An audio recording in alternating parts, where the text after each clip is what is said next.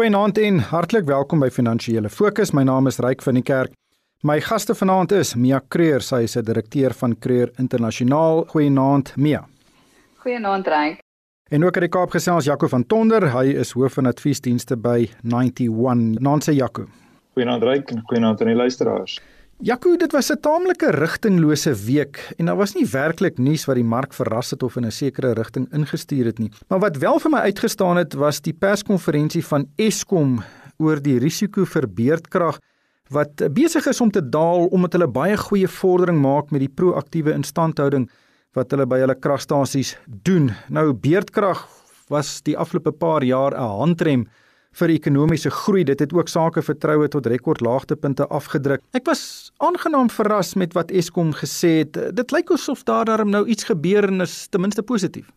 Ja, Ryk, ek dink ek dink 'n mens moet tog vir die bestuur van Eskom onder meneer De Ruyter se leierskap op 'n stadium begin krediet gee want ek dink hulle het regtig waar vordering gemaak oor 'n baie breë front.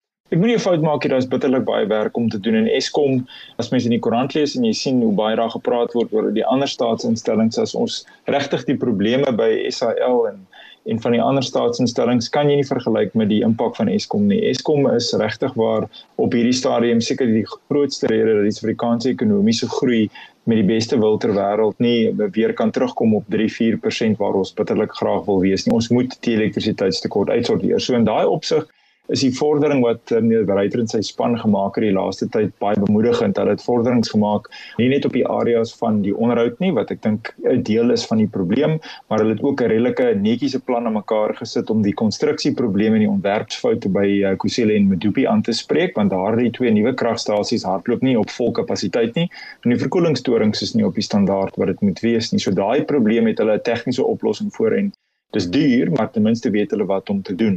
En dan dan natuurlik verdere verwikkelinge rondom die meer duidelike eh, reëls wat gaan geld wanneer private instansies soos munisipaliteite en munisipaliteite kan begin om krag op te wek. So ek dink die hele kragstorie uh, het oor 'n breë front vorentoe beweeg in die laaste 3-4 maande, miskien so 'n bietjie onder die radar terwyl die res van ons rondgeskarrel het met uh, die COVID en die Grendelstaat. Mia Jan Oberholzer, eh, die bedryfshoof van Eskom het die afgelope week op RC Geldsaake gesê dat hulle verwelkom hierdie jongste inisiatiewe om bykomende elektrisiteitsverskaffers in die private sektor te kry om ook krag te lewer tot die netwerk want van hulle aanlegte is net so oud. Uh, hulle gaan binne die volgende 10 jaar afgeskakel moet word.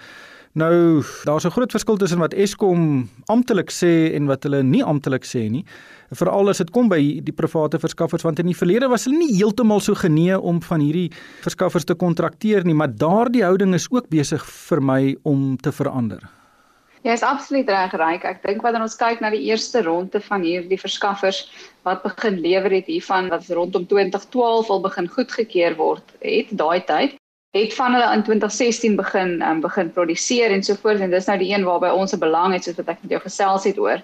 Nou die res van die uh, verskaffing van energie wat wat hulle voorhoop is op hierdie stadium by die minister Gwedi Mantashe gesê het hulle wil graag nog 11.8 megawatt se krag by die Eskom krag voeg en Eskom is van mening dat daar heelwat meer nodig is as net dit en hulle is, is verlig dat daar verdere hulp vir hulle gaan wees om hierdie hierdie krag te verskaf en soos jy self sê meeste van hulle veral hulle ouer kragsentrale is nie op standaard om meer of want hulle is nie goed onderhou nie om meer die krag te lewer wat hulle wat hulle behoort te kan lewer in die toekoms in nie.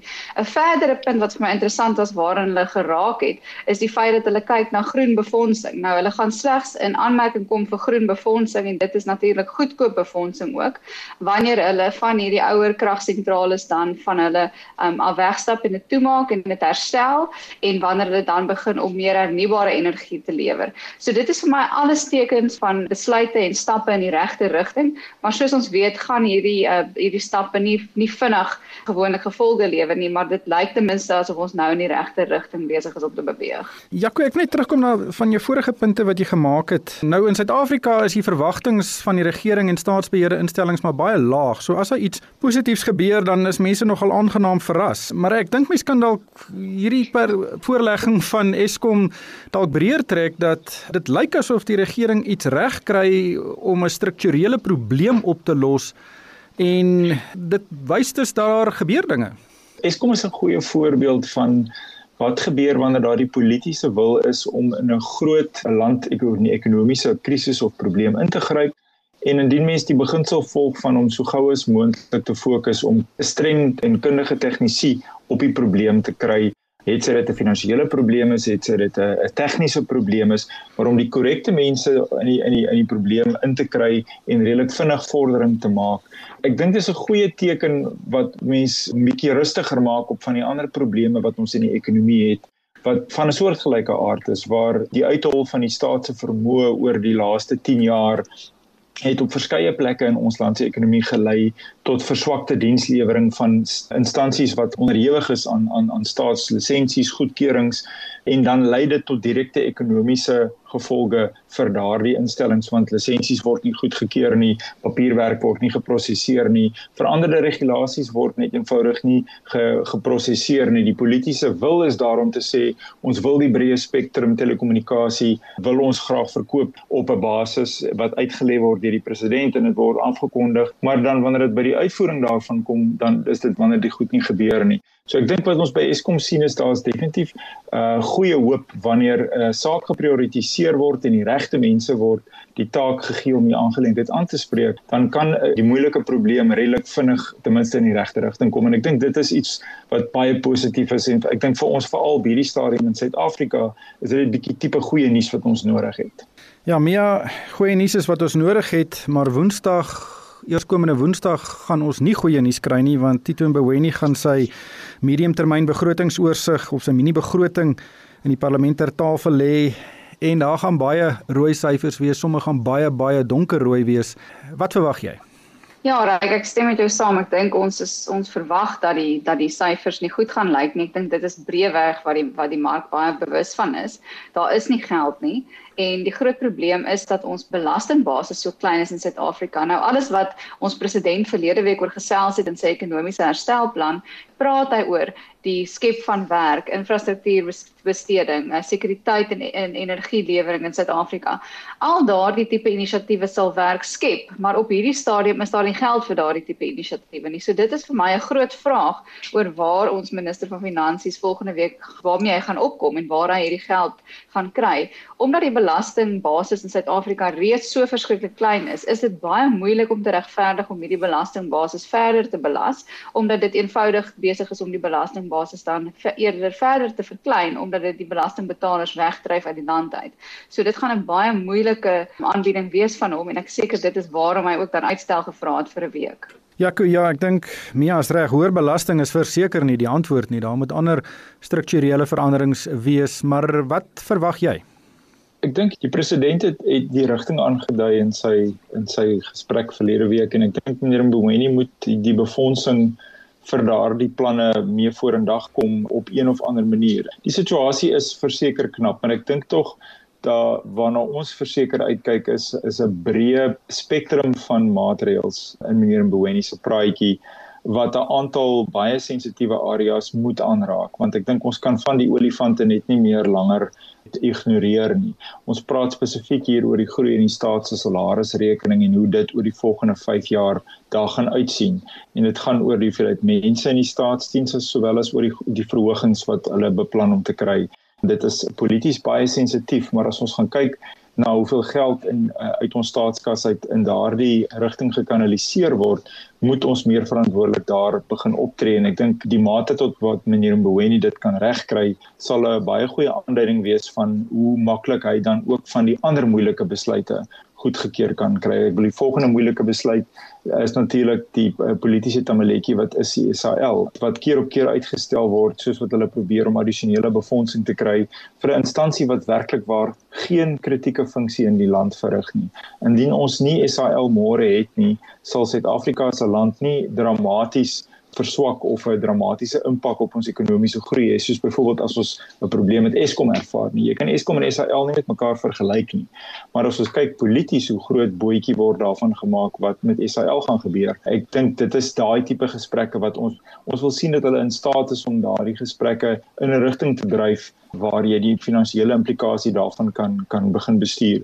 Maar moenie 'n fout maak nie. Ek dink tog wêreldwyd is daar op hierdie stadium 'n druk van alle lande om oor 'n breë front meer geld in te win om hulle ondersteuningsprogramme vir die die COVID herstel te befonds. Um, ons sien dit as 'n groot tema in die Amerikaanse verkiesing wat besig is om nou na die einde na einde toe te loop die die verkiesingsveldtogte dis 'n dis 'n enorme tema in daardie in daardie area ook en ons kan verwag dat jy gaan 'n uh, sogenaamde belastings wat fokus op die meer welaf mense in die land ons gaan meer van dit verseker moet sien. Ek dink ons gaan dit wêreldwyd sien uh weet 'n fokus op belastings op op bates van tyd tot tyd waar en hoe hulle dit gaan doen. Weet ons nie of kapitaalwinsbelasting dalk voorkeur kan trek weet ek ook nie. Maar dit die as jy kyk na die politieke spektrum waar binne die staat opereer, sal hulle moet probeer om geld in te win oor 'n breë front en dit sluit ongelukkig die belastingbetalers ook in. So uh hoe en waar hulle dit gaan doen, sal ons sal ons hoor volgende week wat die idees is, maar ek dink ons ons kan nie die planne wat die president voorhou befonds sonder dat ons nie iewers langs die pad addisionele befondsing en ekonomiese groei. Dis die groot geheim. Ons moet albei daai aan die gang kry. Korttermyn ekstra befondsing en op die mediumtermyn beter ekonomiese groei. En ons kyk almal na meneer Mboweni vir sy planne vir dit vir volgende week. So ons moenie skrik as daar 'n 'n nuwe welvaartbelasting is of byvoorbeeld heelwat hoër uh, kapitaalwinsbelasting nie. Ek dink nie ons dit dit 'n verwagting nie, maar ek, ek dink 'n mens moet oor die volgende 2 tot 3 jaar moet die verwagting wees dat dit in die stelsel gaan inkruip. Nie dat daar verskriklik baie ruimte is nie en ek dink ek wil tog saamstem ook met wat Mia vroeër gesê het. Die belastingbasis is so klein dat ek dink die rand en sent waarde van wat jy met addisionele belasting gaan kry gaan relatief min wees. Maar ek dink baie keer is die politieke teken of die sein wat jy stuur deur te sê dat almal in die land gaan 'n bietjie swaarder kry om te probeer om die begrotingstekort te befonds. Ek dink daai politieke boodskap is is 'n sterk boodskap en onder dit kan 'n mens nou sien weet wat moontlik watter aksies hulle moontlik gaan gaan prioritiseer. Mia, nog iets wat vir my uitgestaan het was Afrox wat hierdie week 'n verklaring uitgereik het waarin dit gesê dat sy Duitse moedermaatskappy Linde wil dalk sy minderhede uitkoop en dan sal sy notering op die JSE beëindig word. En toe dit nogal 'n groot debat uitgelok oor die welstand en die toekoms van die JSE as 'n kapitaalmark in Afrika, want die aantal noterings op die beurs is besig om soos 'n klip te val. In 2001 was daar bykans 620 genoteerde maatskappye en vandag is daar maar net so bietjie meer as 340. Is jy bekommerd daaroor? Ryk op hierdie stadium dink ek meer daaraan uit 'n beleggersoogpunt uit en die voordeel wat dit vir beleggers inhou. Ons weet almal dat die pryse op die plaaslike mark uh, baie laag is op hierdie stadium en in sommige gevalle lyk dit vir sekere beleggers aantreklik, maar mense moet onthou dat meeste van die Suid-Afrikaanse gesentreerde maatskappye wat besigheid in Suid-Afrika doen, is 'n hele toekoms en se hele welstand geskoei is op die Suid-Afrikaanse betaler en en die Suid-Afrikaanse verbruiker altans.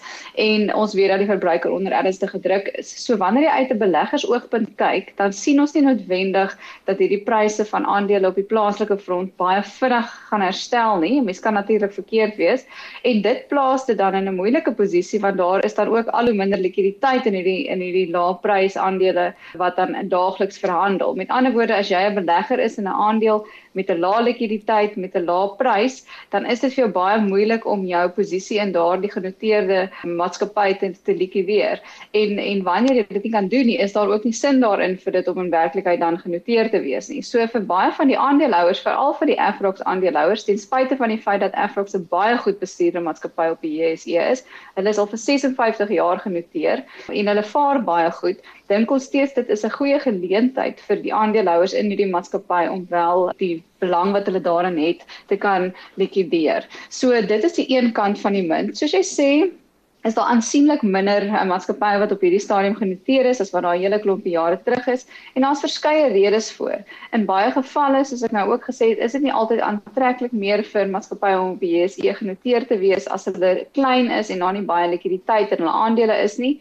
En dan ook aan die ander kant weet ons dat daar nou alternatiewe beurse voortgespring het in Suid-Afrika soos onder andere 4AX en hierdie hierdie beurse het dan meer tegnologie en 'n meer tegnologiese benadering gevolg gevolg met hulle stigting. Dit is net altyd maklik vir nuwe besighede om van voor af 'n nuwe stelsel te bou as wat dit is vir ouer besighede dalk soos die JSE om hulle stelsels te vernuwe. En en dit is natuurlik 'n tweede aanslag op die notering. So vir my is dit nie 'n kommernis nie. Ek dink daar's baie groter bekommernisse in Suid-Afrika in terme van ons ekonomiese groei as van die hoeveelheid aandele wat genoteer is. Ja, Jaco, mens kan ook dalk byvoeg dat maatskappye wil nie in Suid-Afrika belê nie weens strukturele probleme soos onder meer elektrisiteitsverskaffing en daarom wil hulle nie kapitaal hier kom insamel nie. Ryk, ek dink hoeveelheid aandele wat jy op jou beurs het is 'n funksie van 'n klomp aspekte en jy het definitief van 'n aantal van hulle nou geraak. Die Suid-Afrikaanse beurs is nie die enigste beurs waar die hoeveelheid gelyste aandele op en af gaan in 'n in 'n siklus of 'n harmoniese golf nie. Dit gebeur maar by baie ander beurse ook. Maar ek dink wat spesifiek in Suid-Afrika 'n rol gespeel het, is die feit dat die ekonomiese aktiwiteit vir 10 jaar in die land relatief laag is. Wat beteken dat die vlak van kapitaal wat huis soek en die hoeveelheid besighede wat die by die JSE sien as 'n as 'n goeie manier om kapitaal vir die besigheid in te win, daai hoeveelheid maatskappye is net eenvoudig laer. En onthou ons sit ook met met struktureel verskriklike lae rentekoerse wêreldwyd vanweë al die stimulasieprogramme in Suid-Afrika en ook oor see die hele wêreld is op rentekoers laagtepunte wat beteken alternatiewe forme van kapitaal soos byvoorbeeld om lenings aan te gaan het relatief goedkoper geraak en en is in baie gevalle goedkoper as om die kapitaal via die JSE te probeer insamel. Dink byvoorbeeld in hoeveel gelyste maatskappye het hulle geld gebruik ekstra kapitaal om aandele terug te koop by aandeelhouers. So dit sê al klaar vir jou as dit besig is om te gebeur is daar nie 'n balans tussen die koste daarvan om geld te kry via uh, aandeleverhandeling was dit om om geld in te samel deur bronne soos banke of lenings nie en as jy daai distorsie in die mark begin kry dan kan dit daartoe lei dat jou aantal gelyste maatskappye redelik skerp daal en op 'n stadium moet daai siklus weer draai en as hy begin draai dan raak die aandelebeurse weer meer aantreklik as kapitaalbronne. Dit is maar hoe, hoe dit loop. Ons sal daarmee altrou baie dankie aan Mia Creer, sy is die direkteur van Creer Internasionaal en Jaco van Tonder, hoof van adviesdienste by 91. En vir my ryk van die kerk, dankie vir die saamluister en ek hoop almal het 'n winsgewende week.